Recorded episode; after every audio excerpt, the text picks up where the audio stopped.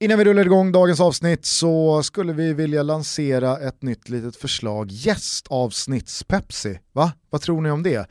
Gör så här nu att nu går ni och hämtar en Pepsi ur kylen och så innan superproducent Kim Wirsén rullar igång eh, vignetten så knäcker ni den. Häll upp den i ett glas, kanske med lite is, eh, kanske på något sätt piffa till den. Is, kanske kylt glas, vad vet jag. Va? ta en gästavsnitts-Pepsi här nu så åker vi. kör vi. Psst.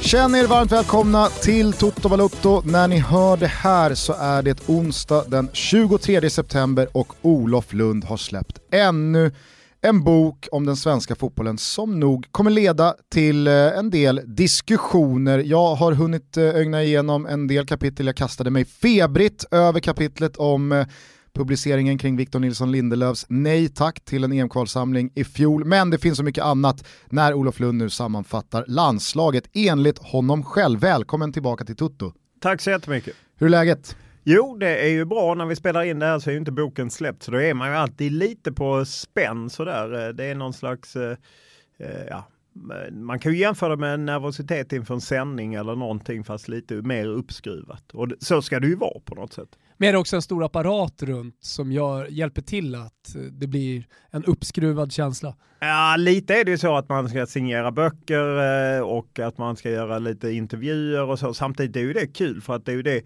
det är den delen av bokjobbet som är, är den roliga jämfört med själva skrivan som ju är mer eh, ja, men rätt ensamt på något sätt att skriva böcker och, och sitta och bara hamra. Sen har man ju hjälp av redaktör och, och liknande. Men i, mycket tid handlar om att man sitter själv och kämpar med sina demoner höll jag på att var, säga. Var sitter du någonstans och skriver? Eh, de två senaste böckerna så har jag hyrt in mig, ja men bara hyrt ett skrivbord. Eh, ena gången på Birger nu senast faktiskt på Strandvägen, så bra adresser men eh, då satt jag där i december och januari eh, nästan varje dag och på helger och sent och liknande. För att det handlar liksom, det är väldigt mycket ett eh, maraton på det sättet att få ner mycket material och sen kan man själv det är lättare att, att krympa ett stort material än, än att blåsa upp det så att säga. Hur får du eh, inspiration till att skriva då? Behöver du som eh, Jan Guillou en 12 whisky innan eller är det träning? Och ett nitiskt schema. Ett nitiskt schema, precis. Ja, jag har ju inte Jan Guillou numera, jag tror jag jag tror bara han är författare, han skriver i Aftonbladet också, men han har lättare med ett sånt schema. Ah, jag, jag kör mer, jag kan bara köra på en deadline. Jag visste ju liksom att eh, den skulle komma ut då 10 maj, det var ju tänkt. Sen blev det inget EM, nu kommer den ut nu istället. Eh, så att eh, det är bara piskan helt enkelt som, som eh, driver mig. Jag börjar med en eh, sånt som barn lär sig idag, eh, som mina barn har lärt mig heter mindmap. Jag liksom eh, samlar olika ämnen och historier. Jag hade ju lite historier eh, och eh, ja, liksom försökte kristallisera vad, vad vill jag skriva om, hur vill jag skildra olika saker, allt från sportjournalistikens utveckling till eh, liksom hur har det varit att bevaka landslaget, ett kapitel om presschefer, ett kapitel om dubbelmoralen att vi kan skriva om eh, Sven-Göran Erikssons kärleksaffärer men vi skriver inte om någonting som någon svensk gör. Varför är det så och hur har det varit och liknande. Svennis är väl svensk? Ja precis, förlåt jag uttrycker mig slarvigt men mer att han vi i svenska medier tar eh, som ursäkt, eller ursäkt, eh, i och med att engelska tidningar skriver om hans kärleksaffärer in och ut, så kan vi göra det. Men vi skulle aldrig göra det motsvarande om en svensk ledare hade... Som är verksam i Sverige menar du? Som är verksam i Sverige som har ett lika expansivt eh, liv som Svennis. Det hade vi inte skrivit om till exempel om en eh, landslagsspelare skulle ha ett, ett barn som ingen känner till i, i, ett annat land, då skulle vi inte skriva om det, men vi skriver gärna om Svennis till exempel. Ja, om det skulle vara så, eh, ja. så skulle det... Som en hypotes. Liksom. Som, en, som en hypotes så skulle det vara så. Och, eh, Eh, det var rätt intressant, jag läste eh, boken om Josefin Nilsson, liksom, där hon skriver om eh, hur hon som jag kunde ha med liksom i min bok. Och hon beskriver hur hon sjöng för den svenska VM-truppen 2006 och så. som ju inte egentligen omskrivs och det är ju ingen som namnges eller någonting sånt. Och jag tycker den svenska traditionen är bättre än den engelska, absolut. Men det är mer sådana ämnen som att jag fastnar för ämnen och att jag har upplevelser och liknande. Och, ja. Så både lite historiskt skeende men också eh, vad jag upplevt själv. Vad hände när Josefin Nilsson sjöng för VM-truppen 2006? Eh, det blev efterfest och hon eh, blev uppbjuden eh, på rummet till två spelare som står där nakna och tar emot henne och föreslår en trekant. Ah, okay. Men hon tackade nej. Men det har ju, och sedermera arrangörerna var eh, sa till henne och hennes syster att det här fick inte komma ut och att det fick inte störa, det skulle förstöra hennes rykte och så. Jag har ju hört den historien men eh, eh, och ja, det är ju inget man liksom närmar sig nu i och med att hon skrev eller hennes syster skrev om det så kände jag att man ändå kunde flika in det. Men jag tycker å andra sidan att det svenska sättet att ändå respektera eh, följa de pressetiska reglerna är bättre än det engelska där det finns en hel industri kring det här. Eh, på tal om Svennis, har det nått eh, någon eh, större spelare som har publicerat det att han sökte jobbet i AIK efter Norling? Jag tror inte att någon har skrivit det. För det kan väl vi då i alla fall ja, bekräfta? Men, ja det kan vi definitivt göra. Hade du hört det? Eller Nej, du det gör ju det nu Gusten. Men, ja. ja. det var ju häftigt att han hade sökt det. Var det han själv personligen eller var det via en agent? För han har ju många agenter. Det var ju Jamaica och det var ju det ena med det andra. Som jag har förstått det så sökte han det själv. Ja, okej. Okay. Ja, han är nog sugen på att komma tillbaka så att eh, ja det är ju häftigt eh, men eh, det är nog svårt för honom att få jobb tror jag. Tror att det föll på lönen. har man tjänat det Svennis har tjänat så Å andra sidan har man blivit av med det Sverige har blivit av med. Ja. Ja, han har ju hamnat i ett jävla märkligt vakuum Sven-Göran Eriksson. Alltså den meritlistan, det CV, den respekten han hade i fotbollsvärlden för ja, men bara tio år sedan. Och så känns det som att han idag nästan eh, är lite av en parodi på sig själv. Att man vill bara säga Svenny, ska du inte bara, ska du inte bara fälla ner hammocken och, och ta det lite lugnt här och njuta av livet och tänka på det som var. Ja, jag förstår vad du menar för att jag menar, det finns ju ingen svensk tränare som är i närheten av de meriterna och det blir lite att man garvar åt honom men samtidigt jag tycker att eh, han ställer upp i mycket intervjuer och ger ju ändå en del intressanta svar, inblickar och eh, han pratar om det att han skulle aldrig lämnat Europa. Han skulle inte liksom gått till Mexiko. Då började liksom utförslöpan så att säga och eh, sen är det klart, han, nu är han ju lite till åren och det, han gjorde inte så mycket resultat. Hade han tagit Mexiko till VM, han fick sparken där. Ja, Notts County, det var ju många olika saker. Ja, han var ju med i den här Ita Footpod som eh, en polare till mig, Nima, gör bland annat. Där han eh, bland annat pratar om Zlatans tid i landslaget, Kulusevski, han har mycket åsikter. Just eh, på det spåret att du säger att han bjussar ändå ganska mycket på sig själv och är med i olika sammanhang. Så. Han kör inte sarg ut, Svennis, i Nej. intervjuerna. Nej, han gör inte det. Vi sitter inte här för att prata om eh, Svennis eventuella framtida jobb, utan vi är ju här med Olof för att eh, han är bokaktuell. Är det pirrigare eller jobbigare eller förknippat med mer ångest att släppa en bok kring landslaget? Jag tänker att en, en hel del eh, aktiva som eh, på något sätt figurerar i de olika kapitlen är fortfarande väldigt aktiva.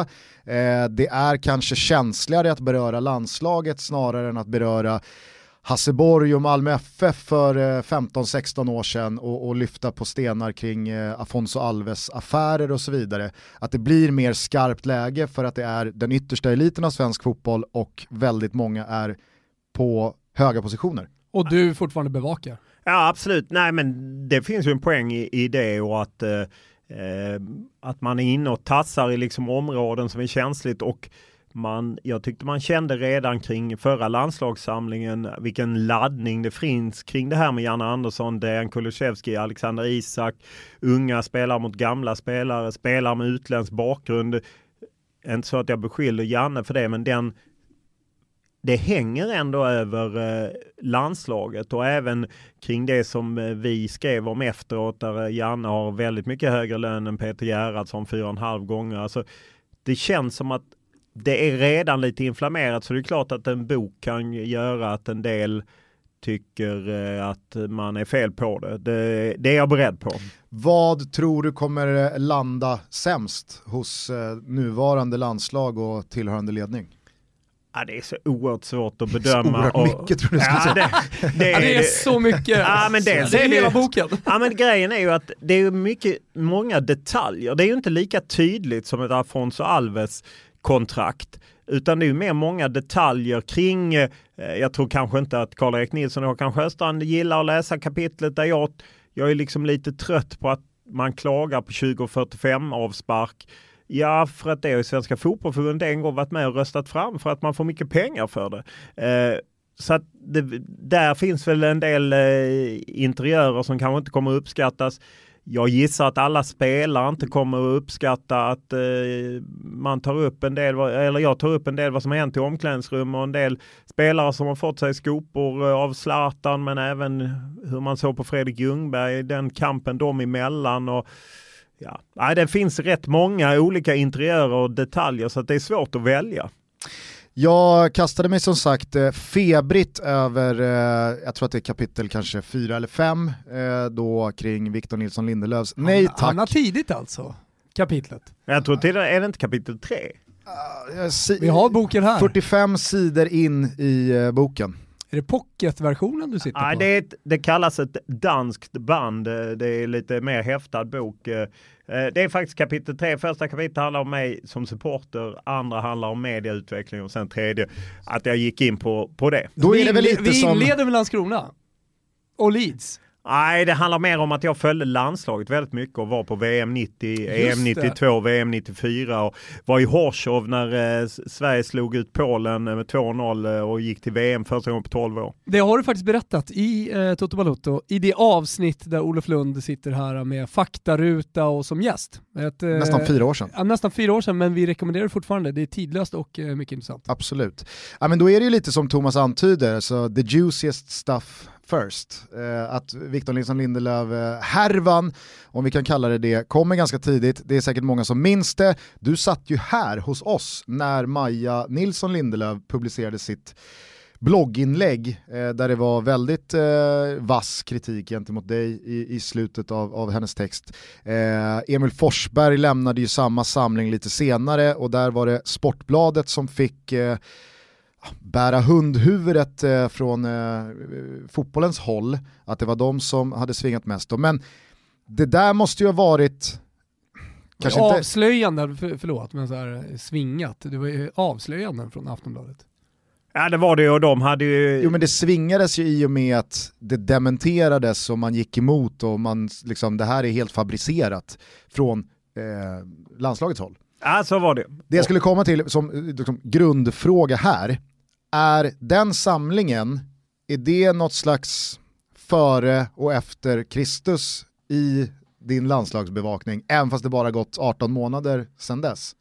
Nej, det kan jag inte säga. Eh, det är klart att det var eh, starkt eh, påverkande på oss som jobbar där också, precis som det var för dem och jag har full förståelse för deras Eh, Eh, liksom att de blir eh, störda av det. Det får man ha respekt för och den kritik och jag publicerar ju hela hennes blogginlägg i min bok för att liksom, eh, ja, det var ju en efterspel. Jag vill mer ge lite för vad som föregick nyheten, varför vi resonerade som vi gjorde, vad som har följt efter, det vill säga att vi, eh, eller min chef har blivit, varit på, TV, på förbundet och träffat dem och de har uttryckt att det hade varit bra om de har sagt att de förstår att det inte är de som bestämmer men det vore kanske bra om de flyttade bort mig som reporter. Ja, det där reagerade jag också på när jag läste det. Mm, att men så är det och De det... har alltså bett Erik Westberg och TV4 att plocka bort Olof Ja, från, fast, från fast med, med in, läsa boken inle, inlindat, eller inte inlindat, det är viktigt att framföra att de har sagt att de förstår att de inte bestämmer, men det hade varit bra för att spelarna är rädda för mig påstås det.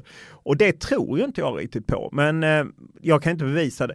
Men liksom, jag vill ju liksom visa att ja, men det här, så här är det journalistiska jobbet ibland och ibland så gör man ju saker och ting som inte är det eh, alltså gynnar en som publicist. Jag tror inte att Fotbollskanalen och TV4 vann på det. Jag tror inte att vi fick fler läsare på det. Eh, jag tror inte att eh, vi, vi fick definitivt inte lättare i relationerna med förbundet eller med, med en del spelare och så. så att det fanns ju egentligen bara att förlora på att göra det vi gjorde. Men i många läsares ögon eh, så tror de ju, så tror många att eh, Fotbollskanalen, kvällstidningarna eller vilka det nu är som avslöjar saker, att man gör det för att då eh, vinna klick och på så sätt tjäna pengar.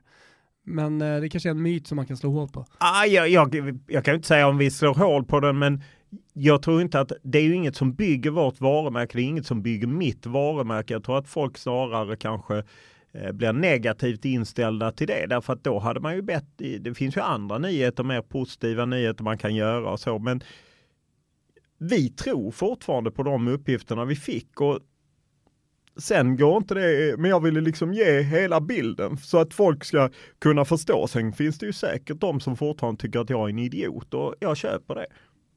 Eh, kan du ångra någonting av det idag eller? Ah, det man kan ångra är ju att, eh, ja skulle man alltså att man, vi måste ställa oss frågan, är det det vi ska göra med vår typ av journalistik? Är det värt det att göra det? Men jag tror att jag hade tagit samma beslut idag igen. Eh, men samtidigt, det är klart att det påverkar en hel organisation, eh, alltså TV4, Fotbollskanalen. Eh, nästa gång jag kommer med något liknande så, så tror jag att det, det kommer finnas fler eh, bromsar och där man liksom väl tänker att är det värt det? För att jag undrar om alla tycker att det är värt det eh, men det vet jag inte. Jag har, hittills, jag har upplevt ett oerhört starkt stöd från, eh, från TV4 eh, under hela tiden. Liksom att de, de vill att vi ska vara granskande också. Det, det, det är det som har sagts hela tiden. Jag har inte upplevt något annat.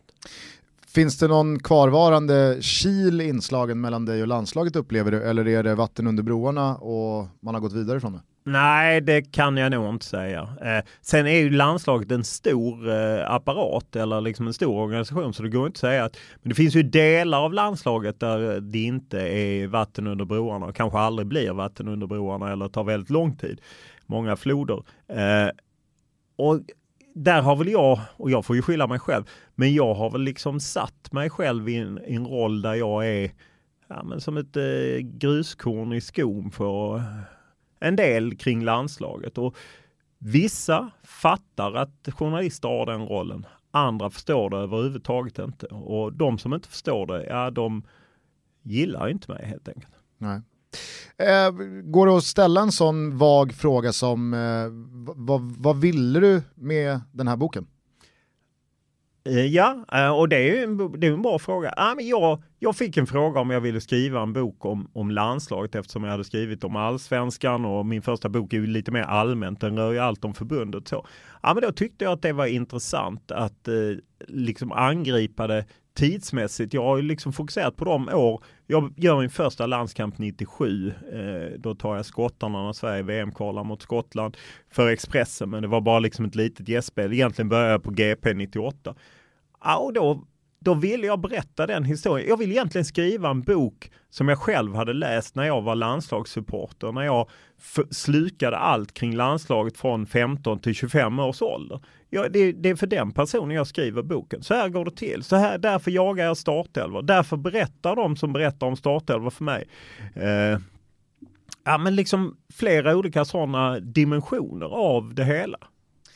Eh, jag, jag, kanske inte har kommit dit än, men summerar du i slutet hur många landskamper du har bevakat? Nej. Har du någon uppfattning om hur många det är? Nej. Fan, all... fan vad det borde, det fan vad det borde ha varit med i slutet av det, boken. Ja men däremot så är ju alla tävlingar, det är ju stati- det är ett appendix som det heter, eh, med statistik över alla. Hej, jag Ryan Reynolds. At Mint Mobile, we like do the opposite of what Big Wireless. They charge you a lot. We charge you a little. So naturally, when they announced they'd be raising their prices due to inflation, we decided to deflate our prices due to not hating you. That's right. We're cutting the price of Mint Unlimited from $30 a month to just $15 a month. Give it a try at mintmobile.com slash switch. $45 upfront for three months plus taxes and fees. Promote for new customers for limited time. Unlimited more than 40 gigabytes per month. Slows. Full terms at mintmobile.com. tävlingslandskamper 1998 fram till EM-kvalet då. Eh, men jag har ju, jag har nog varit på de flesta men inte riktigt alla för jag var i New York två år. Ja. Eh, och sen det finns något lite Eh, alltså jag sammanfattar ju några år, men det finns ju någonting med sportjournalister som säger att jag har varit på 13 OS, 17 VM, 18 EM. Ja, du, ja, jag du vill inte skiter i det. Mm. Nej, jag, vill, jag är här och nu, men däremot så det, blir, det respekterar ju Thomas. Det blir ju ett, Oerhört mycket. Det blir ju ett intressant, för mig själv, ett intressant tidsdokument, för det är så mycket som har hänt. Alltså sportjournalistiken från 2000 med då offside, svenska fans, och Aftonbladets sportbilaga kom när det var liksom en högkonjunktur medan nu tycker jag det är liksom knackare för sportjournalistiken. Eh, och det påverkar sportjournalistiken och samtidigt ska vi liksom göra mer. Vi är färre om vi ska göra mer. Parallellt med att fotbollen också förändrats i grunden. Eh, så att det tycker jag är, ja, jag, jag tycker det är ett spännande liksom Ja, det är ju spännande att se över den tiden. Det är ju ett arbete att göra, eh, att då räkna hur många landskamper det har varit på. Det skulle säkerligen gå att göra. Jag kommer ihåg när Gazettan hade satt en gubbe på att kolla på Tottis alla matcher. Och jag, jag vet inte i vilket läge han började göra det, men när han hade gjort tusen klackar, då körde de första sidan på, men, men då var det så att han gjorde två klackar i den matchen. Så han stod på 9,99, det här visste ju ingen, förutom de då på redaktionen och han som räknade alla klackar.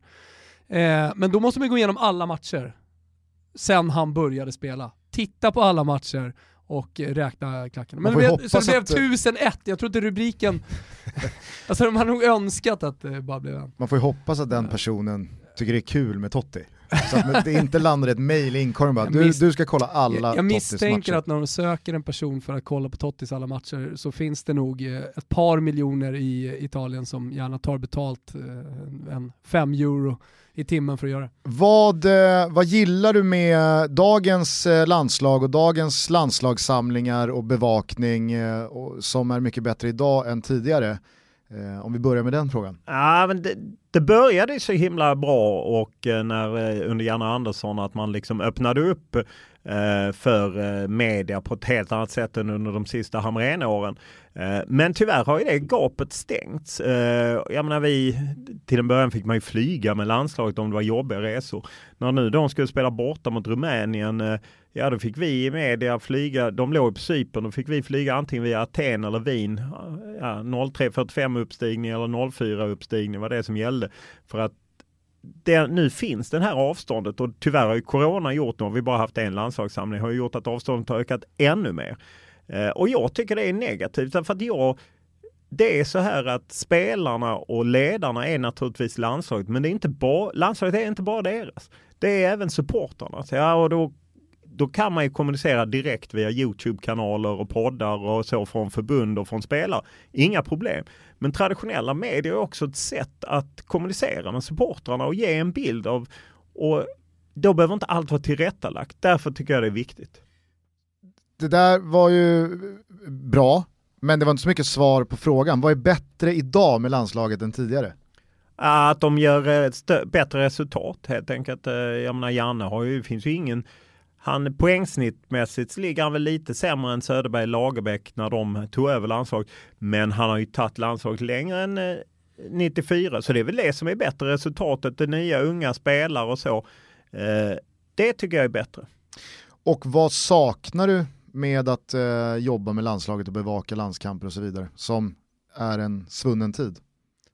Ja, men det är väl just att man närhet och att man faktiskt kunde skapa andra typer av relationer med spelare. Men jag fattar att det är, är, är ändrat i och med att fotbollen, jag menar de flesta tillhör stora klubbar som vill styra dem. Eh, det, det, var inte så. Alltså det, det, för mig är det slående. Jag säger inte att vi kommer aldrig gå tillbaka dit, men det är ändå slående. Den första press träff jag gjorde med landslaget, då kom alla spelare. Det var ändå rätt många av dem som var bronshjältar och spelade i stora klubbar och ditt och där. Då kom alla spelare och satt eh, en timme och drack kaffe och så gick man runt och intervjuade dem. Så är det ju inte idag. Och jag fattar att det inte är så, men det är klart att någonting försvinner ju där. Mm. Eh, har det, det, det har jag ingen aning om, men har det funnits någon slags dialog mellan förbundet och landslagsledningen och media för att kanske inte gjuta olja på vågorna men i alla fall nå en uppenbarligen välbehövd förståelse för varandra? Eller är det, är det väldigt mycket två läger? Det som nu sker är ju att eh, Svenska Sportjournalistförbundet är en tydligare samtalspart. Jag vet att hon som är ordförande Petra Thorén har regelbundna samtal där vi ger eh, återspel till henne. Vad funkar, vad funkar inte? Eh, så på det sättet finns det ju en dialog. Men det är ju inte, jag är inte del av någon dialog på det sättet och jag känner inte till någon annan dialog. Eh, men jag vet ju han som var presschef som är pappaledig nu, han käkar lunch med med en del utvalda reportrar som han ville odla relationer med. Eh, inte no med mig och inte med någon på TV4 och Fotbollskanalen. Det säger väl någonting helt enkelt. Eh, men det är, jag tror att det behöver finnas en journalist på förbundet som fattar det här. Eh, för att det finns inte idag. Eh. För, förstår du hur jag tänker Thomas? Alltså hade inte eh, landslaget mått bra av en timmes liksom, 101 med Olof Lund. Jo. Där man bara kan få liksom så här, ett, rensa luften, två, Olof kan förklara så här, varför man gör vissa saker. Tänker att man utgår ifrån eh, boken lite i vissa av de här one-on-one? Ah, jag, jag, vet inte om man ska utgå från en bok, men Nej, jag tror att, men jag tror, jag. Alltså, så, här, så som du och jag kan skoja ibland om ja, men vissa spelare har någon märklig silencio stampa, ingen vet egentligen varför, men den existerar där. Det var ju Robin Olsens silencio stampa som ingen visste att det var en silencio stampa, men det var en. Ja, ja men eller lite som det som jag läste här i boken, att när då Victor Nilsson Lindelöf kommer tillbaka till eh, landslaget eh, två samlingar senare, för han var ju skadad i, i juni där, eh, då existerar en bojkott gentemot Fotbollskanalen och TV4. Mm. Men eftersom Fotbollskanalen och TV4 har tagit beslut att inte fråga någonting om det här eh, och är med i bara mixade zonen och ingen annan eh, medial spelare tar upp det här heller så blir det aldrig, liksom, det blir aldrig tydligt från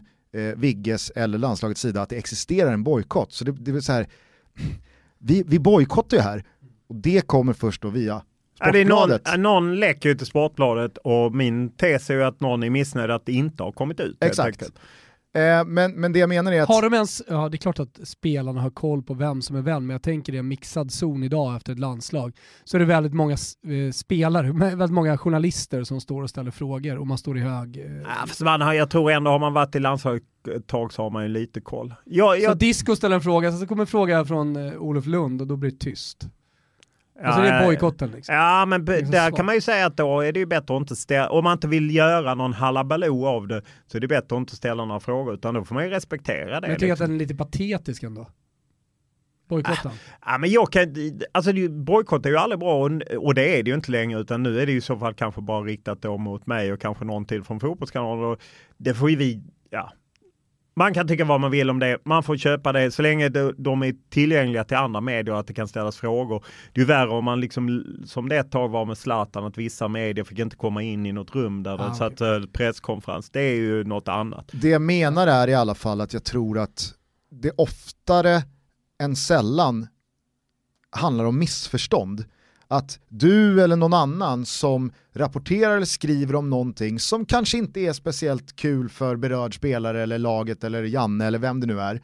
Alltså det är inte någonting personligt från ditt håll eller någon attack som man gör för att jävlas utan det, det är någonting som har hänt och i yrket journalist, i det här fallet sportjournalist som bevakar landslaget, så, så, så är det ens jobb. Och att man, man måste kunna liksom särskilja på de grejerna och få ibland vissa spelare att förstå att det, det, är ju inte, det är inte för dig eller mig eller Thomas man bevakar ett landslag utan i, i mångt och mycket så handlar det om alla de hundratusentals, miljontals svenskar som följer landslaget av intresse. Ja visst, och sen får man ju också, jag menar man tycker att vi är kritiska, ofta tycker jag att supportrar är kritiska. Alltså, min mailbox nu under senaste samlingen var länge sedan jag fick så mycket mail och där är många uttrycker en väldig frustration kring exempelvis Janne Andersson eller eh, andra liksom att det finns ju ett upp, en uppdäm eh, ilska då som ju kommer från ett engagemang. Och det engagemanget är ju positivt när det går bra och är jobbigt när det går dåligt. Och vi blir ju någon slags kanal till dem och ställer ju de frågorna för att jag tror inte att Janne Andersson hade fått alla de frågor han fick på presskonferensen eh, dagen efter Frankrike när det var Kulusevski och liknande. Jag tror inte han hade fått de frågorna om han bara hade ställt upp i förbundets egen eh, eh, regisserade podcast eller vad det nu hade varit. Ja, och det är någonstans eh, det engagemanget och det intresset från supporterna som i slutändan betalar spelarnas eh, dyra löner. Ja, och nu är de ju inte så kl- lönefinansierade i, I landslaget, men men eh, förbundet passionen. däremot lever ju delvis på statliga offentliga medel. Därför finns det ju ett skäl för oss att titta på allt sånt.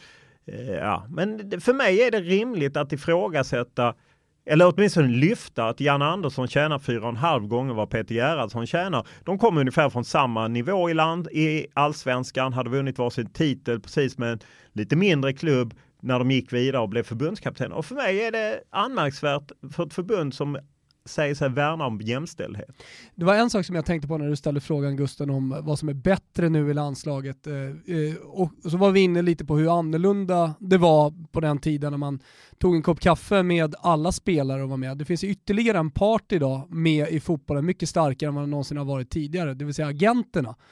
Eh, som eh, har mycket att säga till om och som i många sammanhang företräder spelarna också. Eh, hur, hur, eh, är det någonting som du tar upp i boken? Och, och, det, det är ju också ett sätt för dig som, eller ett sätt, men du som reporter måste ju också förhålla dig lite till eh, hur hela fotbollsbranschen ser ut där agenterna har väldigt mycket makt. Nu bläddrar Olof fram Ja. till eh, Sidan kapitlet. 91, fler agenter, ilsknare agenter och viktigare agenter.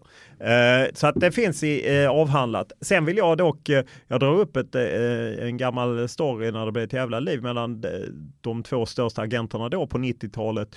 Eh, Roger Ljung och Anders Wallsten och jag gjorde ett reportage i GP, intervju och det, blev, ja, det var bråk om vem som skulle få säga vems klient och liknande. Så att de var viktiga då också. Bara Mm. det att de syntes inte lika mycket. Eh, och det är så himla lätt i fotbollsvärlden att man liksom, eh, ja, men nästan liksom ne- alltid negativt klistrar på någon lapp mot agenter. För det är ju ändå så att alla använder agenter. Fotbollsförbundet använder agenter, eh, tränare, spelare, liknande. Så att det måste man förhålla sig till. Och det är klart att de är ju mer, de syns mer idag och de tar mer plats och de är mer aktiva. Och ja, det får man förhålla sig till. får vi som journalister förhålla oss till. får Janne Andersson förhålla sig till att eh, han får leva med att folk har åsikter. Jag skulle bara säga det, apropå det vi pratade om tidigare, alla fattar väl, och det, det är väl också någonting vi har predikat, att det, det är ju en och samma organism, att det här intresset i slutändan, hur man än vrider och vänder på saker, är det som föder allt. Ja, det var lite det jag Mm. menade, Ja, så jag även om fattar. du har landslag så blir det samma sak i klubben. Ja. Jag tycker det blir så löjligt när man pekar på så ah, nej men man får inget extra betalt för att spela i landslaget och det är ett heders... Ja, fast vi, vi vet väl alla att i, liksom, i, slutet av Vi är här dagen, tillsammans allihopa. i slutet av dagen så är det ju 3,5 miljon som sitter och kollar på de viktigaste landskamperna i fotboll. Det kanske är 3 500 som gör det i väldigt många andra sporter när landslaget är ute och, och viftar.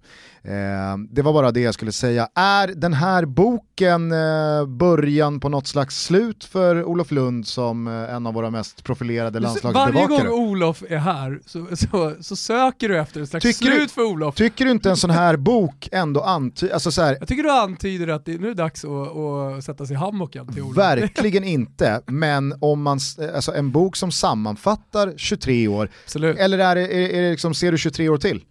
Jag ser nog inte 23 år till, men jag tittar sällan längre än tre månader fram i taget. Eh, nej, jag kan inte säga att jag känner ett slut. Jag vill fortfarande jobba, jag vill fortfarande vara i, i, på fältet i den mixade zonen. Sen är det ju det är ju inte jag som väljer det. Man behöver ju en arbetsgivare, man behöver ju liksom så. så att, men jag ser inget slut och även fall det blir folk som, det kanske blir en del som blir glada och en del som blir arga av den här boken. Ja, men jag, det har jag liksom, jag är inte där för att skapa mig så mycket vänner utan jag är där för att jag egentligen i grunden är jag så jävla nyfiken själv och ställer frågor och sen ibland kanske det råkar bli så att just de frågorna är sådana som folk stör sig på eller tycker att, att det träffar en öm punkt. Men jag ser inget slut utan så boken är egentligen en sammanfattning av vad som har hänt hittills, Ja, och så får vi se när det tar slut. Ja, och egentligen eh, rent krasst är det ju så här att jag skrev en bok eh, 2016 eh, som gick ju bättre än vad jag hade väntat. Alltså det är ju inga GV Läckberg, men den har väl så... Cashen bara rasade in. Nej, det gjorde det inte, men det har sålt okej, 23 000 extra med pocket. Eh, och sen kom, då fanns det ett intresse från förlaget att göra en bok två och den gick inte lika bra men gick rätt bra. Då fanns det plötsligt liksom tre förlag som ville att jag skulle ge ut en bok. Ja men då, då tyckte jag att... Var det budkrig? Det var det. Oj, oj, oj. Stordalen gick jag ju till men sen har jag en sålt tillbaka till Bonniers så nu är jag ändå tillbaka till Bonniers. Men, ja, men då får man ju gå till sig själv, fan har jag, kan jag skriva något mer? Och, eh, då hade jag liksom samlat på massa, det fanns ju massa stories genom åren som jag inte hittat något forum för, som jag hittade här. Mellan tummen och pekfingret, hur många sprängstoffgrejer får inte plats i en sån där bok för att det går helt enkelt inte att trycka sådana saker? Nah, det finns ju några stycken som inte går att trycka men dels handlar det om att man inte kan vidimera det fullt ut och sen så finns ju en del saker man inte kan skriva, vi inte skriver i Sverige helt enkelt. Så det är klart att det finns grejer man måste stryka och det finns, jag har ju använt mig av kollegor och kompisar och så och ja, men, putsat på vissa saker så att man ligger rätt i, i uh, hur man formulerar sig. Så det där är ju liksom, ja. Sen kan man inte, man, man måste ju inse att det, det, måste ju hända något. Det måste ju skava lite för att folk ska vara intresserade av att läsa, tycker jag. Såklart. Eh. Men så helt tomt i magasinet är det inte? Efter den här publiceringen? Det finns några kulor kvar? Ah, det finns det nog. Eh, det finns det nog. Men däremot så får man ju se hur, liksom, vilket intresse det finns för boken och vad, det är många faktorer som eh, spelar in om man ska gå vidare. Nu är man ju ja, men man har ju lagt, jag har lagt mycket tid på denna och då vill man ju liksom få ut den, få ut storyn. Vi är den här veckan sponsrade av K-Rauta, ni vet det finska mycket, mycket härliga byggvaruhuset och jag vill slå ett slag nu Gusten för projektledningen. Jag vet att jag har pratat om det tidigare i de här spottarna, men det är så jäkla bra. Nu har jag gjort om förvaringen, det var ju 20% på all förvaring under ett par veckor. Mm. Och då utnyttjat badrumserbjudandet som också är 20%. Och då kan man ju tycka det är jättebra, det är skönt för plånboken, det är lite billigare. Men projektledningen, den är Perfekt!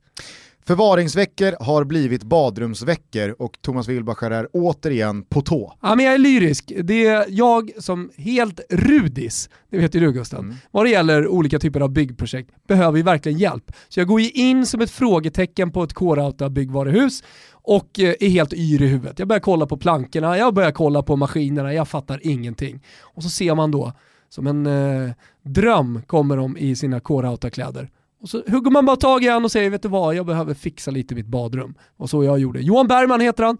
Han tog bara med mig till en dator och så började han rita upp. Och han började fråga mått. Jag kom tillbaka med mått och till slut så bara, vet du vad, det är det här du ska göra.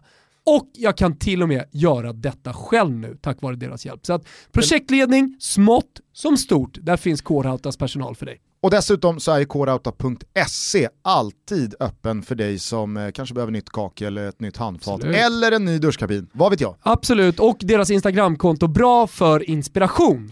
Kårauta, badrumsveckor, 20%, underbar projektplanering. Så är det. Det är väl det ni ska ha med er från den här spotten. Jajamän. Vi säger stort tack till Kårauta för att ni är med och möjliggör Toto Balotto. Kitos. Vi är sponsrade av eh, Kia och jag hoppas att ni är många som nu tipsat era föreningar om att skriva under Aslani-kontraktet på kia.com.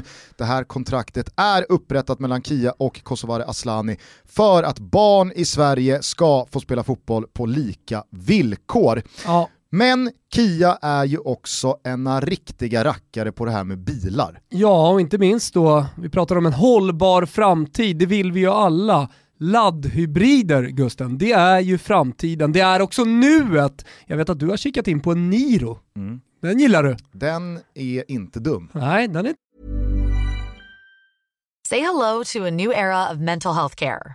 Cerebral is here to help you achieve your mental wellness goals with professional therapy and medication management support. 100% online.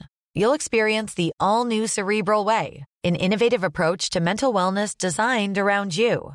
You'll get a personalized treatment plan from a therapist, prescriber, or both in a safe and judgment free space. Your cerebral therapist or prescriber will outline a customized plan with clear milestones along the way so you can get to feeling your best. With Cerebral, you're not alone in your mental health journey. We're here to empower you to live a fulfilling life. So take that first step towards a brighter future and sign up today at cerebral.com slash podcast and use code ACasts to get 15% off your first month. Offer only valid on monthly plans. Other exclusions may apply. Offer ends July 31st, 2024. See site for details. dum. Eh, man kan alltså hitta en laddhybrid från 2995 kronor. Så vi vill då uppmana alla som lyssnar på det här, som tänker dels då hållbar framtid miljömässigt, eh, Kia med budskapet tillsammans med Aslani för en hållbar framtid och fotboll där alla ska få spela på lika villkor. Gå in eh, i en av alla Kias eh, bilhallar och kolla, känn och kläm på de här bilarna. Det är verkligen värt det. Och när du säger från 2995 kronor så pratar du privatleasing och månadskostnad. Ja, det är exakt det, det jag pratar om. Och framförallt Gusten, så pratar jag om att stötta framtiden. Det gör Kia. Vi säger stort tack till Kia för att ni är med och möjliggör Toto Balutto. Stort tack. Vi är sponsrade av våra vänner på Betsson och till helgen så har vi satt ihop en ny Toto-trippel. Det blir en hel italiensk sådan, det är en riktigt knepig omgång i England, en ännu knepigare omgång i Spanien, men knepigast av dem alla. Ja, det är väl omgången som bedrivs här hemma i Allsvenskan. Så vi håller oss i Italien den här gången. Det är dessutom en trippel som utspelar sig lördag, söndag, måndag. Om vi börjar i kronologisk ordning så börjar vi med ett överspel på San Siro mellan Inter och Fiorentina. Fiorentina har vi pratat om eh, inför den här säsongen som ett eh, minst sagt spännande lag som ser ruskigt potenta ut framåt. Inter, ja där är det ju fullspäckat med kvalitetsgubbar i alla lagdelar, inte minst då i anfallet där Lukaku och Lautaro jagar nya kassar ihop. Så att över 2,5 mål i matchen Inter-Fiorentina. Vi fortsätter på söndagskvällen, då är det eh, finfin eh, rivalmatch eh, på Olympico mellan mitt älskade Roma och Juventus. Här är det dock bara att vara ärlig, Juventus ser lite för bra ut för ett Roma som saknar lite för många pusselbitar. Kan tänka mig att Juventus strösslar elvan från premiären mot Sampdoria med ett par klassnamn. Kulusevski i målform, Ronaldo likaså. Roma, ah, det är inte speciellt mycket som ser sådär kanon ut, varken bakåt eller framåt. Så rak seger för Juventus. Avslutningsvis så tror vi att Bologna hemma slår Parma i sin hemmapremiär. Parma såg minst sagt beskedliga ut mot Napoli i sin premiär. Bologna kommer ta en seger här nu när Parma kommer på besök till Dalara. Så att rak seger Bologna. Eh, den här trippen hittar ni som alltid under godbitar och boostade odds, ryggen med 148 kronor. Eh, hashtagga in er rygg i hashtag Toto-trippen och kom ihåg att du måste vara 18 år fyllda för att rygga det här spelet. Upplever du att du eller någon i din närhet har problem med spel så finns stödlinjen.se öppen dygnet runt. Vi säger stort tack till Betsson för att ni är med och möjliggör Toto Balotto. Vi ska inte liksom, eh, berätta hela boken, eh, ni ska ju köpa den såklart och göra Olof ännu mer eh, välbärgad. Men två kapitel som jag ändå tycker... Det är Ekvall som är välbärgad, Olof Ja, som jobbar hårt. Precis, jag cyklar. Okej. Eh, nej men, eh, två kapitel som jag tycker ändå är eh, lite kittlande bara i, i, i titlarna och som jag tror är av stort allmänintresse är ju det här om eh, dels spelarbetyg eh, och att spelarna sannoliken bryr sig om dem eh, samt eh, startelverna som eh, läcker ut. Vad, vad kan du säga om de här två kapitlen?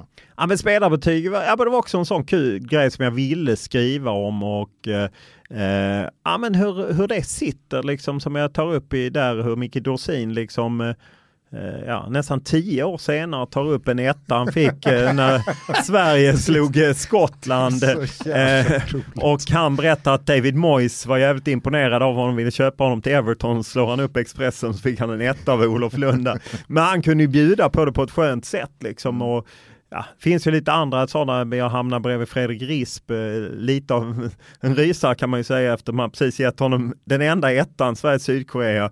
Sjunker man ner på flyget, vem sätter sig bredvid mig? Jo, Fredrik Risp. hur, hur eh, artade sig flygningen? Ah, det var väl... Nu är, adresserade ni elefanten i rummet? Ja, den fanns ju framförallt, eh, jag tror på andra sträckan att vi adresserade för att då fick vi Expressen. Men han, han visste om det redan när vi sjönk ner där. Ja, vi har adresserat det mycket och garvat åt det mycket genom åren och han säger ju att han har aldrig brytt sig så. Det finns ju de som bryr sig mer. Men har inte det där eh, tenderat att klinga av i och med att det idag finns 10, 15, 20 spelare som delar ut betyg? Way back when så var det väl Expressen, Aftonbladet kanske, alltså det, det var mycket färre eh, apparater som delade ut betyg. Jo, det, visst är det så. Jag tror också det har vi kanske lite klingat av, men en del fastnar ju ändå på det att eh, de, de ser det ändå som liksom något slags kvitto. Och jag kan ju tycka att Ja, där måste, och det skriver jag också ärligt att ibland så, vi vet ju inte vilka taktiska direktiv Sebastian Larsson har fått i en match och det här med som jag har pratat mycket med Pontus Kåmark om att som ytterback börjar du på en tvåa och kan egentligen bara gå ner till en etta. Ja, det krävs liksom jävligt mycket medan är du offensiv så räcker det med att du gör ett par grejer så bara surrar det av getingar. Och det är väl där också det är en, en, en klassisk klyfta mellan de sportsliga utövarna och journalister som kanske inte har någon fotbollsbakgrund överhuvudtaget eller taktiskt kunnande att de kan inte se saker som spelare gör väldigt bra, inte minst i det defensiva, i positionsspel och att man avstår, Alltså, det är, det, är, det är så väldigt vanligt att betyg baseras på det som syns och det som faktiskt händer.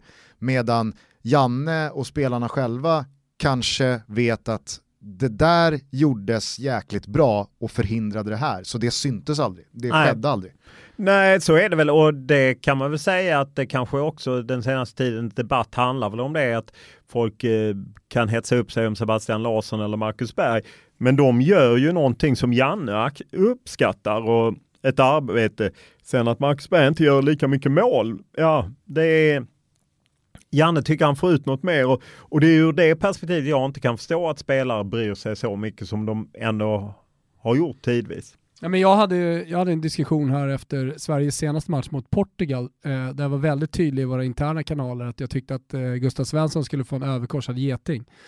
För att han hade förstört matchen för oss i och med att han tog två stycken helt idiotiska eh, gula kort, speciellt när han i, i andra läget inte höll igen när han riskerar så mycket. Uh, och, och, där kan jag tycka liksom att tidningarna ska vara lite mer modiga i ett sånt läge. Liksom. Förstör en hel match för, för ett lag, ja men då måste du, då, då, då, då måste du få det, eller i alla fall måste man diskutera det, det sämsta betyget, betyget. Ja, och jag tror att eh, du eh, Gusten kollade igenom den som var en bibel för mig eftersom jag var på plats för M94 och inte hade läst Expressen så köpte den liksom sammanställning och där är det ju också, de är ju så oerhört hårda i betygen där. Patrik Anderssons Ja, överkorsade överkorsad. geting från premiären, den hänger ju med hela vägen in efter Rumänien-kvarten Ja. och liksom nämns i matchbetyget Ja. att börjar hämta sig Ja. från det totala bottennappet i premiären. Det De liksom var ju lite hårdare då, alltså det var ju liksom Glenn Hysén eh, som några år tidigare hade fått sex och Brolin får ju sex. Även fall det känns kanske lite eh, överdrivet för han var inte så dominant som Glenn Lite var. poserande från de journalister som Ja, var på plats, precis. Petson och ligan. Eh, vad minns du annars för klassiska överstrukna getingar eller eh, betyg som har satt, eh, satt spår i spelare?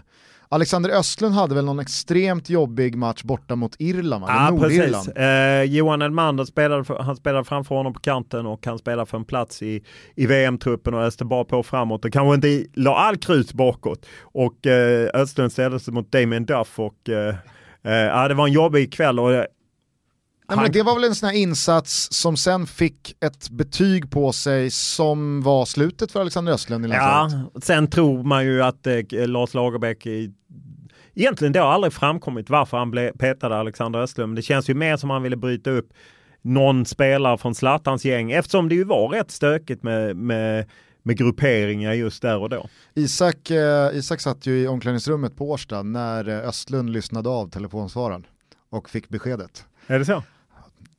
Dämpad stämning, Ah. det var tryckt stämning i omklädningsrummet på Årsta då, för att Ah. Salle var ju hemma och höll igång med Bayern inför mästerskapet. Ah, fy fan. Eh, sen så kommer jag ihåg... Eh, eh, Ja, du frågade om startelvor också och det är ju... Ja men, jag, nej, men jag skulle Nej. bara komma till eh, Berang Safari eh, borta mot Holland. Det var väl också en sån här insats med tillhörande betyg som var, Var det torska slutpunkten. 4-0? Ja, han, Inkastet. inkast Just och han rycker ju honom i paus, eh, Hamrén, och går rätt hårt åt honom efteråt, eh, vilket ju Hamrén kunde ju hänga ut en del spelare, precis som med Lustig och Stolpen och så. Safari hämtade sig ju aldrig riktigt i landslaget efter det. Nej. Eh, har vi någon eh, mer eh, nutida sån där? Ah, Oskar Wendt är ju den klassiska Erik Niva-sågningen, den sämsta eh, insatsen eh, på 2000-talet i en svensk landslagströja. Eh, som ju också är liksom Ja men jävligt tuff och fick ju ett genomslag med Aftonbladet. var ju den största tidningen då och Niva stark. Eh, Var det eh, senaste gången Niva var riktigt tuff i sin kritik? Nej det tror jag faktiskt han har varit eh, efter det. Detta är ju länge sedan. Ja, det var lite det jag menade. Mot landslaget tänker du då? Ja, eller? Ja, I studion sitter jag väl och gnäller Han är på jävligt Spurs tuff, varje, han är jävligt, exakt, han är tuff mot sig själv och Spurs. Ja, exakt. Där, där skrädar han inte orden. Men annars så vet jag inte, har vi någon bottennapp-insats? Ja, det Gustav kanske är Gustav Svensson här senast då. Det kanske också blir hans slutpunkt i landslaget. Ja det blir det kanske. Jag är där kan jag ibland bli lite så blockerad att jag minns inte riktigt. EM-kvalet var ju rätt starkt igen, rakt igenom förutom då eh, Spanien borta och där var väl egentligen ingen spelare som klappade igenom. Eh, Mer kollektivt. Ja, Plus att precis. Spanien var otroligt bra. Där. precis. Ja, kanske inte. Våra lyssnare får kan- eh, hjälpa vet, oss i vet du vad underbetyget är? Det är till eh, Hasse Backes eh, inför analys av den matchen. Han menar på att spanjorerna, de är redan i havet. De är redan och badar. För att säsongen är slut och skit i den här matchen. Och sen så kollar man på vikten. Ja, vinner Spanien den här matchen, då är de ju klara. Då behöver man inte fundera mer. Och så, eh, eh, så läste jag eh, att de hade samlats då tidigare för att verkligen förbereda sig inför den här matchen. Ett Sverige som eh, då har gått starkt, kvartsfinal i VM. Ja men självklart tänkte jag, de är ju dundertaggade på ett fullsatt, fullsatt Santiago Bernabéu. Han är helt snett i liksom, analysen av det spanska landslaget. Han tryckte och tryckte i införstudion att Åh, äh, men du vet det är sovande spanjorer här och det, nu, nu har vi läge att slå dem. 15 månader senare kommer en överstruken geting från Thomas Wilbach Ja. till Backes studioinsats i juni 2019. Ja. Så älskar jag ju Backe, eh, Ja. men, eh, men just den eh, studieinsatsen, det var fel i just den analysen. Där var han snett på. Startelven nu då? De läckta. De läckte och eh, TV4 hade ju haft dem under EM 2000. Sen drog jag faktiskt igång eh, 2001 och hade i Expressen och sen några år senare hakade på. Och, ah, Det var ju plågsamt eh, för att det var en press att ta fram det och det var ju på något sätt viktigt för tidningen och eh, sen var det viktigt för fotbollskanalen så att eh, jag är på ett sätt tacksam att jag inte lägger så mycket tid på det längre som jag gjorde då. Men det, det är klart att det var en oerhörd känsla att, att Framförallt triggades man ju också lite av att de ville ha det så hemligt och jag har ju hört många spelare som har berättat om hur Tommy Söderberg och Lars Lagerbäck har stått och vädjat denna gången får det inte komma ut. Och sen har man ändå haft, eh, då är det ju en viss känsla. Men berättar du om processen någonting? Ja, lite om processen och att det sällan är en. Det har ju hänt naturligtvis, men ofta att det är ett pusslande eller liknande. Och, och att det är en hel rad människor som har hjälpt mig genom åren. Det är liksom inte, det är inte så att jag har haft en deep throat i alla år, utan det handlar om att odla relationer. Jag, även vilka motiv som finns för folk som berättar. Jag menar, det finns ju allt från de som tycker att det är dåligt självförtroende att inte kunna berätta hur vår elva ser ut från svenskt håll till att de som eh, tycker det är en kul att lämna information för att de är del av någonting själva. Eller så är man besviken att man är petad eller så är man jävligt glad för att man spelar. Det var väl Billborn va, i fjol som skickade ut derbyelvan eh, dagen innan. Här har ni den. Så här kommer vi spela. Ja, och där tycker jag, det, om man då tar någonting som är bättre med dagens landslag. Fan, Jan Andersson är ju bättre med media än någon annan Ja. och framförallt att han han bryr sig inte om det läcker ut, han bara garvar, skämtar lite. Sen kanske han sitter och svär på sin kammare, det har jag ingen aning om, om just det. Men han är helt avsatt, ingen energi till det. Alltså både under Erik Hamrén men framförallt under Lagerbäck Söderberg. Det gick så mycket energi till detta. Var, var, det, var det den där eh, liksom, Messias-stämningen som eh, rapporterades eh, om eh, på den här senaste presskonferensen efter Kulusevski debaclet om man kan säga så, när han sa chockad och så blev det alldeles för stora ord. Och, alltså, den presskonferensen efteråt, och Zlatan hade twittrat och så vidare, så, så var ju Janne oerhört eh, lugn och saklig och öppnade upp för att vi kan sitta här hur länge ni vill och prata om det här. Och efteråt så kändes det som att det var det folk bar med sig. Jävla proffs han är Janne och fan vilken presskonferens. Och den här presskonferensen borde man eh, trycka ut på DVD och visa framtida förbundskaptener och mediaträna dem med. Ja, och det är ju bara att instämma att det var oerhört skickligt hanterat. Enda missen var ju att de inte hade Kulusevski bredvid honom, att han kunde suttit där. När jag tog upp det med Janne så försökte de ju hämta Kulusevski. Sen om det var ett spel för galleriet eller inte, det vet inte jag. Eh, jag är ju cyniker så jag... Ja det var så, du, du bad Ja, Janne. jag bad, jag sa om det nu är allt, om allt är så lugnt Janne som du säger och allt är utrett och allt sånt. Varför sitter inte Dan Kulusevski bredvid dig och bara säger det? Det hade ju räckt att han svarade på fem frågor och sen gick iväg. Ja, nej, det, och det visste vi inte och så skickade han Stefan Pettersson men sen så hette det att han var på behandling och då lovade Janne nästa dag men då ville inte Dejan, eh, hette det. Jag vet ju inte exakt vad som är satt men jag tycker att Janne hanterade den situationen väldigt bra, ett pressat läge. Han anklagas ju för någonting som är rätt svårt att värja sig mot. Och inte av vem som helst heller. Nej, inte av vem som helst. Och sen vet jag att vi fick reaktioner att vilka jävla idioter ni är journalister. A ger Zlatan uppmärksamhet. B sitter och anklagar Janne Andersson för att vara rasist med era frågor. Men det är klart att man måste ta upp de frågorna. Vi är ju där för att ställa de frågorna för det finns en massa människor som upplever att det är så här. Ja, Sen, och framförallt väldigt många människor som vill ha svar på hur Janne ser på det Zlatan uttryckte. ja, precis. Det, det, Så kan att så. Sen var det ju noterbart att varken eh, Janne eller någon av de två spelarna ens nämnde Zlatan vid namn. Och det är ju anmärkningsvärt att, eh, att, eh, att det blir så. Jag tycker mest det är lite sorgligt att Sveriges största genom tiderna på något sätt hamnar i den liksom clinchen med Janne Andersson.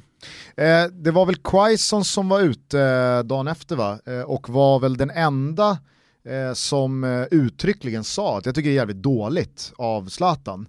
Eh, och det är olyckligt att det blir så här om man tycker synd om Janne, jag, jag, jag kan eh, vara fel på något ord här, men det var i alla fall eh, kärnan liksom. av eh, Mm. det, det Quaison sa.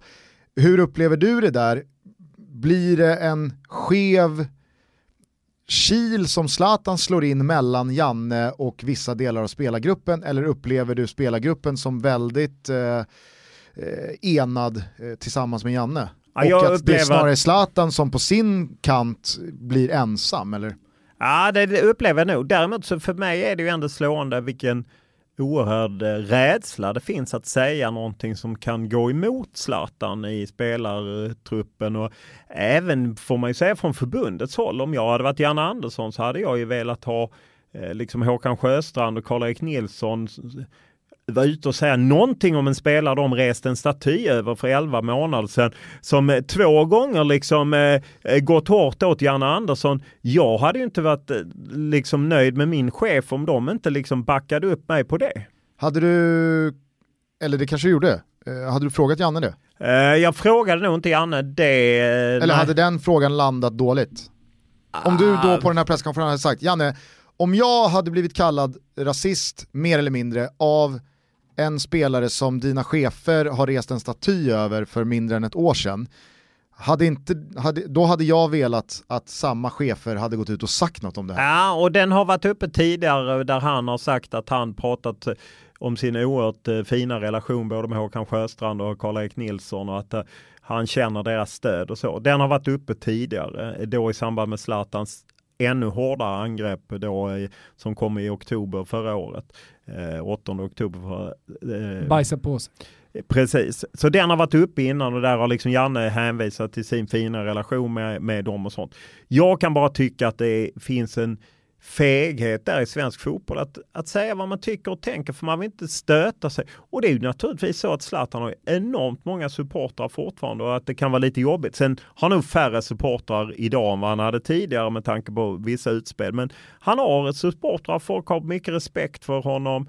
Eh, och det finns en rädsla. Jag, att det är så få spelare som har berättat vad som har hänt i, i svensk fotboll. För jag menar, vi läser ju vad som har hänt i LA Galaxy, PSG och det ena med det andra. Men jag menar, Albin Ekdal kan i liksom sitt sommarprat säga, han kan reflektera över att en del lagkamrater kanske hade svårt med, jag kommer inte ihåg, jag har det i boken, men exakt hur han formulerar sig. Han lindar ju in det liksom i, i bomull några varv innan han säger att ja, men det kanske inte var bara bra när han skällde på folk. Nej. Eh, bara sista här med eh, startelverna. Hade Hamren eh, mest problem med de läckta startelverna? Det är känslan i alla fall. Ja, fast jag tror att Lagerbäck tyckte det var otroligt plågsamt. Både Tommy Söderberg och taktiker, Ja, Lagerbäck. dels det. Han vill ju ha varenda promille på sin sida, så han gillar inte det. Och sen tror jag att för Tommy Söderberg var det liksom ett svek. Det är ju vi tillsammans. Eh, Jag vet hur han liksom höll ett brandtal inför Sverige. sårad. H- Sverige-Holland, EM-kvartsfinal, det får inte läcka ut och sen har jag Expressen har löp Alexander Östlund, bomben i startelvan. Eh, och då är man ju nöjd själv som reporter, men jag vet att det gjorde liksom ont i Tommy Söderberg. Ja, när det där jag tänka mig. löpet kommer, vilken, vilken styrka det ändå fanns i tidningen Ja. förr i tiden. Tänka på. Jag kommer ihåg nu inför senaste tror jag att det var Aftonbladet som läckte den första elvan i- mot Frankrike. Och det kom ganska tidigt på kvällen och sen så är jag uppe hos min kompis i Rönninge och dricker kaffe, han har Svenska Dagbladet där. De har liksom fem fel i pappret. Så det är ingenting att läsa Nej. det här. Det är ingen idé att ha en elva i pappret. Nej. Vad, vad har du eh, för eh, tydligast eh, fjäder själv i hatten vad gäller landslagsnyhet som dragits fram? Eh, Jag var ju med med, ja, dels att eh, Hamrén skulle sluta, det var väl inget jättestort, men jag var ju med med Martin Pettersson ihop, det var ju Martin som fick originaltipset. Också beskrivet hur det gick till när vi avslöjade att Janne Andersson eh, var ny förbundskapten. Det är väl någon slags, eh, det finns nog några andra grejer, men jag, eh, jag har inte så många sådana eh, för Du är, det. inte så, du är inte så nostalgisk av det, du sitter inte och putsar gamla medaljer. Nej, de är ju fan inget värda liksom. Det är ju bara så, det är ju bara framåt hela tiden. Det, det är ju den bistra verkligheten. Det är ju ingen som bryr sig om att jag hade, ja men det, till exempel någon gång när jag hade, Aftonbladet hade tre sidor eh, om liksom att eh, Alexandersson skulle peta publikfavoriten Chippen och så hade jag Chippen och så spelade Chippen. Eller eh, Alexander Östlund som jag var ensam med eller liksom så eh, när jag drog loss eh, älvorna från New York när jag var korre där. Det är klart att sånt var kul. Men som alltid med nyheter, det gör så jävla mycket ondare att få stryk än vad glädjen är att vinna. De lever längre också, de, eh, de felen man har. Absolut, det gör ju fruktansvärt eh, ont och jag, det är fortfarande eh, smärtade att vi hade fel på Moldavien startelva, men det berodde på att det hade snöat och de ändrade från 4-2-3-1 till 4-4-2. Så att det fanns ju en förklaring, men det gjorde ändå ont. Förstår jag. Vilka, vilka ligger i framkant idag med att avslöja? Det är ju framförallt eh, Aftonbladet, eh, Expressen är ju bäst eh, på det. Eh, Johan Flink eh, kan vara ibland på Aftonbladet, Disco på Expressen. Men det är framförallt eh, kvällstidningarna som är bättre än vad vi har varit eh, i Men början. det känns ändå som att det är kvällstidningarna och fotbollskanalerna, alltså att ni är tre stora killar Ja, men jag tycker vi har varit lite sämre de senaste åren. Och, ja, av olika skäl. Ja, och att man... Eh, För många alla mot alla inspelningar. Du nah. ska, vara ut, du ska vara ute på fältet. Ja, Med spaden. Ja, ja, precis. I mitt fall så handlar det om att det, det tar rätt mycket tid och jag gör ju mycket annat mer än alla mot alla. Att liksom, Jag skojar bara. ja, nej, men jag köper det. Och, så att eh, annan journalistik också. Och, eh, Vi kan väl sammanfatta landslaget enligt Lund eh, som så eh, att eh, har man följt landslaget eh, utifrån senaste 10-20 åren och eh, har väldigt många minnen av matcher och händelser och nyheter och förbundskaptensskiften och spelare in och ut och så vidare så har man eh, förmodligen väldigt stor glädje av den här boken. Man kan eh, minnas tillbaka och återuppleva 2000-talet. Ja det tror jag och framförallt tror jag att man kan eh, nog lära sig en del om man är intresserad av hur det går till. Och, eller åtminstone få inblickar liksom, i hur det går till och hur man resonerar för oss och hur det har, arbetssituationen har ändrat för oss och hur det påverkar det för läsare, tittare, lyssnare och liknande. Så, så får jag tror att man borde få höja på ögonbrynen en del gånger och garva kanske någon gång och liknande. Jag måste ju säga som eh, intresserad av en ung Olof Lund så ser jag fram emot det första kapitlet när du som landslagssupporter reser, reser världen runt då för att följa det svenska landslaget. Det blir ju, tänker i alla fall, nu har du skrivit, är det tre böcker? Tre böcker. Ja, fotboll, allsvenskan, landslaget. Ja. Och eh, det handlar väldigt mycket om eh, allting runt om, du berättar historier hur ditt arbete funkar och sådär. Det här är ju Olof Lund, det är det enda du har skrivit hittills i bokform som handlar om dig. Ja, men det blir ju mer, det är ju, den är ju mer personlig än de andra böckerna. Jag tar ju in mig själv mer eh, i det här och liksom berättar om när Lasse Richt skäller ut mig i olika kvartssamtal och ja, de olika som har varit genom åren och liknande och hur det påverkar och, och så. Så att eh, jag hoppas att folk ska uppskatta eh, boken helt enkelt. Får eh, Kanna på någon eh, passage? Nej. Märkligt Den kan jag tycka. fanns inte tidigt 90-tal. Nej, men men det- men, men, men det är hela boken, alltså, jag tycker ändå, jag Okej. tycker ändå att alltså, så här, Kanna på-ramsan har ju Får fått... vi för lite cred? Nej, vi Nej, får det- inte för lite, jo, nej, vi jag får inte för lite cred, men det är en ramsa som jag ändå tycker markerar en skillnad mot tidigare och idag. Den fick fötter, den letade sig hela vägen in i både herrarnas och damernas omklädningsrum. Eh, förbundskaptenerna själva eh, har säkert nynnat med ett par gånger de också. Och, alltså, det är väl en ramsa som på något sätt markerar supporten för det nya landslaget. Jag håller helt med dig och eh, den kunde absolut eh, platsat. Det är väl mer att det kanske inte är så mycket, liksom, jag har ju skrivit lite lite om liksom, supporterkulturen och hur det har växt och så, men inte så mycket. Den kunde absolut vara med. Det blir ju alltid ja, kill, eh, man väljer massa saker. Eh, och det kommer finnas saker här som folk tycker, hur fan kan du inte, hade du inte med det? Ja, det är för att det inte har gjort det intrycket på mig eller det har inte passat in och så. så att eh, Absolut hade det kunnat vara med. Du har helt rätt, ni har fått för lite cred eh, för det. Kanna Men, på, eh, kanna på. Men det brukar väl alltid kunna komma en nyutgåva med två nya kapitel, så att, eh, Ja, chans, det- chansen finns. Eh, chansen finns men eh, jag, ja. Ja, jag tar på mig dumstruten där. Har vi, har vi glömt eh, någonting att pusha och locka och pocka med från boken tycker du? Nej, men jag, jag, det finns ju, det juicy stuff är ju mer i mitten och liksom där när man handlar om eh, grupperingar och slitningar och vad som har hänt i olika omklädningsrum. Och, ja, det finns, eh, där finns många, många detaljer eh, som ger en eh, fin bild. Får jag bara säga, där har det ju alltid funnits en massa rykten kring att det har varit då grupperingar. Den allra tydligaste var väl den med ja, men Zlatan, Mellberg, eh, ligan var de in, eh, fyra stycken som gick ut när de inte fick gå ut eh, någon Ja, de bakväg var på tre, men eh, Tre var de, ja. just där. Men jo, men det skriver jag mycket om Mm. och liksom eh, eh, konflikten som ju egentligen Ljungberg på en sida, framförallt rätt mycket solitär och sen de andra på en annan sida. Sorgligt att han fick vara solitär. Ja, ja, men det var han ju, men han var på något sätt då att han kanske inte alltid heller var han kunde vara jävligt respektlös mot de andra fast på ett annat sätt än Zlatan. Han gick liksom inte på andra människor som Zlatan kunde göra. Så att det, det finns mycket sånt. Det var ju Zlatan, Mellberg, Chippen och Salle, och när Salle försvann, då kom Majstorovic in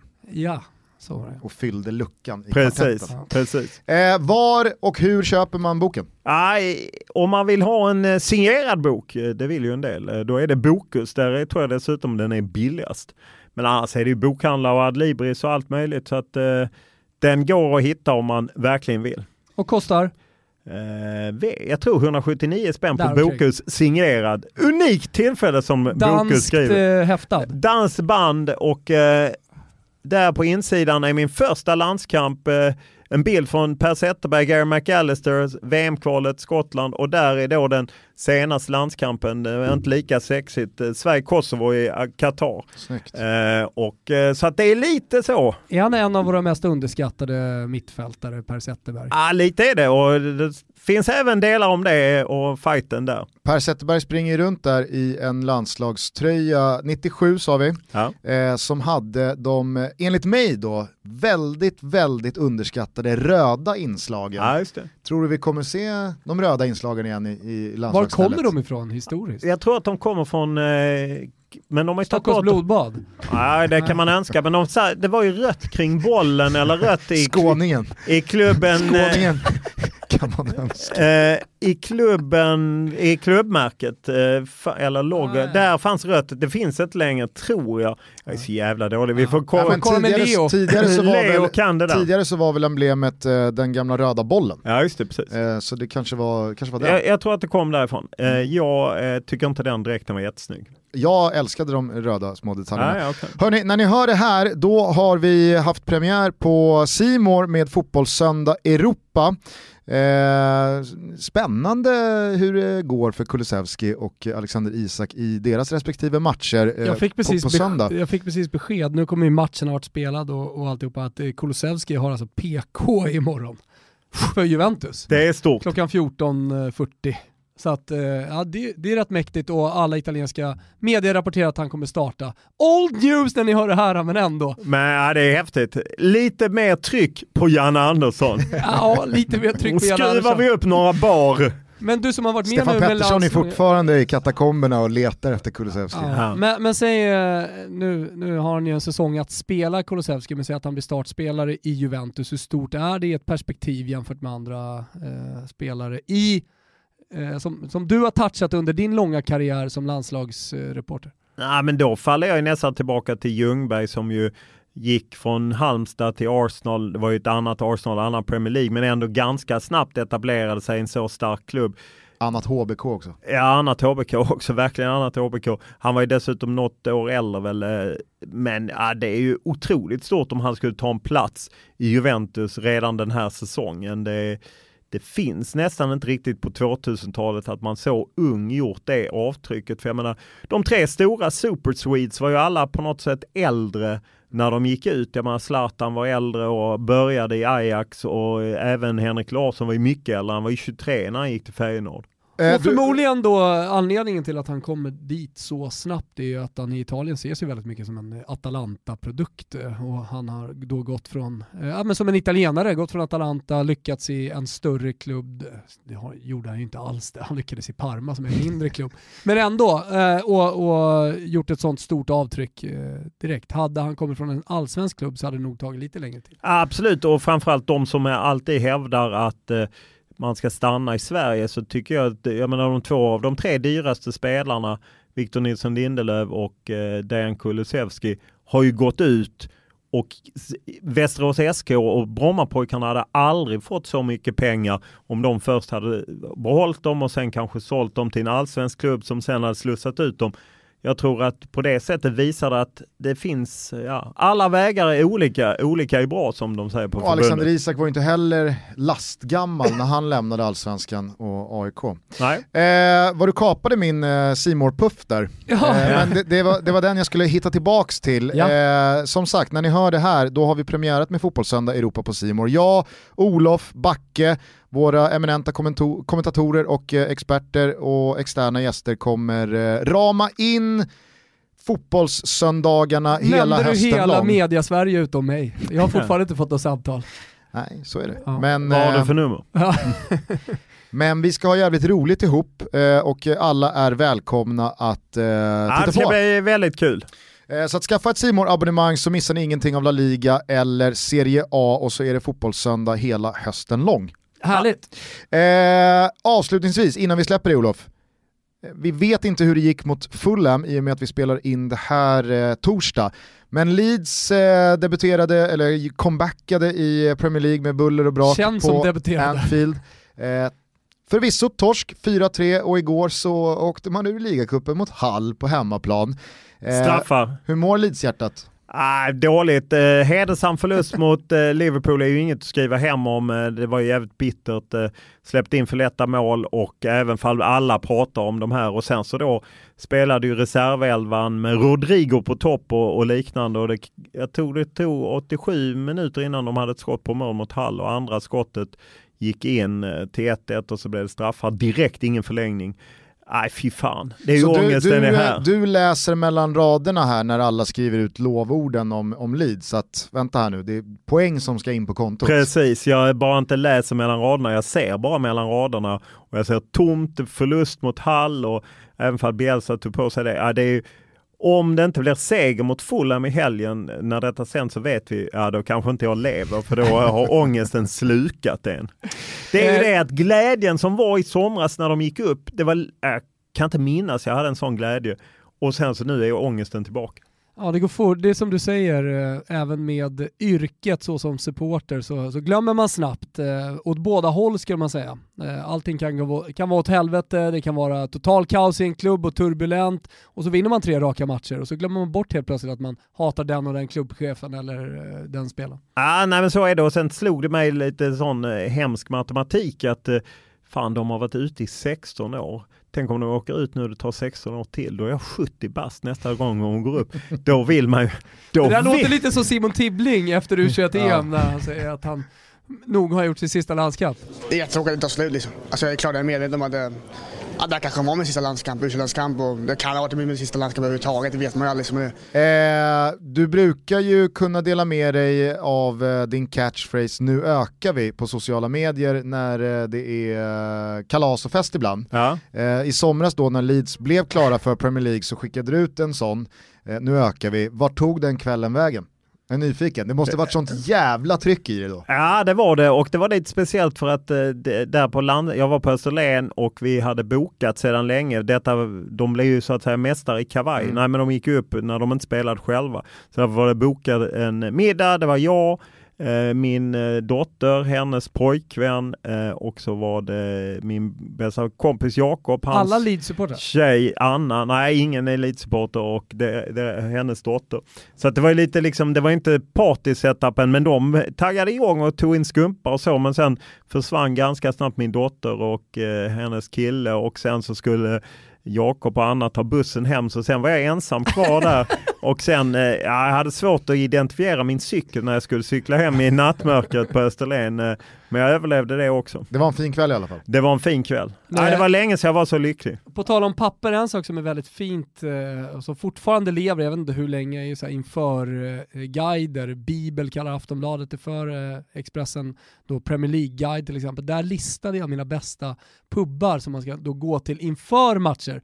Old Peacock, Måste högst, ligga högst, ja, ja. högst av alla, fem getingar. Ja, det var ju, jag läste Snudd på nu, sex skulle jag säga. folk som hade åkt i fem timmar, de hade bokat plats på Old Peacock för att se Liverpool Leeds. Så det var en jävla stämning även om det var social distance. Men nu i måndags ströp de i hela skiten i England. Man får ju max vara sex personer, så nu är det väl sex personer på Old Peacock. De kan väl i sig välta den puben ändå. Det går att göra en bra kassa Ja, på sex pers Ja. på Old Peacock ändå. Ja. Jag försökte argumentera in sex getingar hos Johan Hedell som är redaktör för Det släppte han inte. Det släppte han inte. Då har han inte varit på The Old Peacock för då hade han vetat. Då hade han vetat. Exakt, Glenn Hussein, Thomas Brolin och The Old Peacock. Det är de enda som har fått sex getingar i Expressens Ja.